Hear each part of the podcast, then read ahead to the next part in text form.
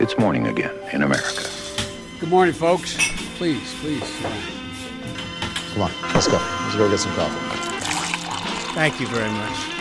Det er fredag 20. november. Det er 46 dager til senatsvalgene i Georgia, 61 dager til Joe Biden innsettes som president, og morgenkaffen er servert. Aller først, har du fått med deg at vi er ute med en helt ny episode av 2020? Vi snakker om håndtellingen av stemmer i Georgia, gjetter litt på Bidens regjeringsmedlemmer og leser litt av den nye boka til tidligere president Barack Obama. Du finner den i samme podkastspiller som du hører Morgenkaffen. 538 gir en oversikt over akkurat hvor fordelaktig valgresultatet under presidentnivået var for republikanerne. Etter folketellingen i 2020 skal det tegnes opp nye kongressdistrikter, og republikanerne vil ha full kontroll over distriktsinndelingen for 188 kongressheter, altså 43 av Representantenes hus. Og håndtellingen i Georgia den er ferdig, den bekrefter det vi allerede visste, at Joe Biden vant delstaten.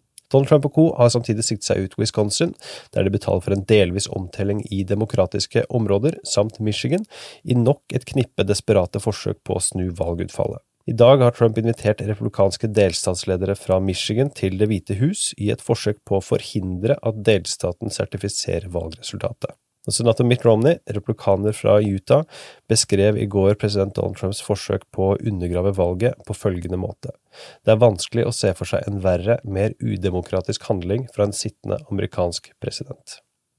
Torsdag kveld norsk tid avholdt Trumps advokater en pressekonferanse der presidenten i forkant hadde varslet at det ville legges fram en meget klar og farbar vei til seier.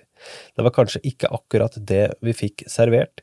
I stedet ble pressekonferansen en selsom forestilling der Giuliani, sammen med andre i advokatteamet til Trump, la fram en rekke ubegrunnede påstander om valgjuks og uregelmessigheter, uten å presentere bevis.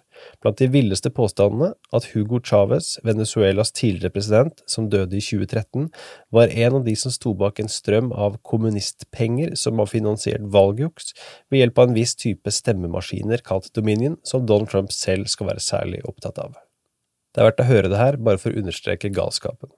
Is the massive influence of communist money through Venezuela, Cuba, and likely China in the interference with our elections here in the United States.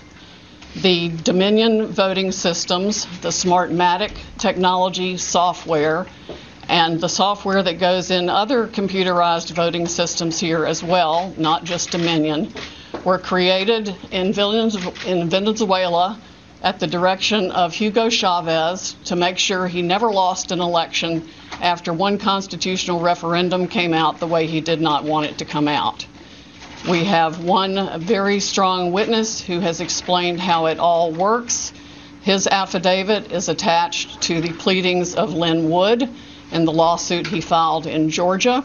it is a stunning, detailed affidavit because he was with Hugo Chavez while the, he was being briefed on how it worked. He was with Hugo Chavez when he saw it operate to make sure the election came out his way. That was the express purpose for creating this software.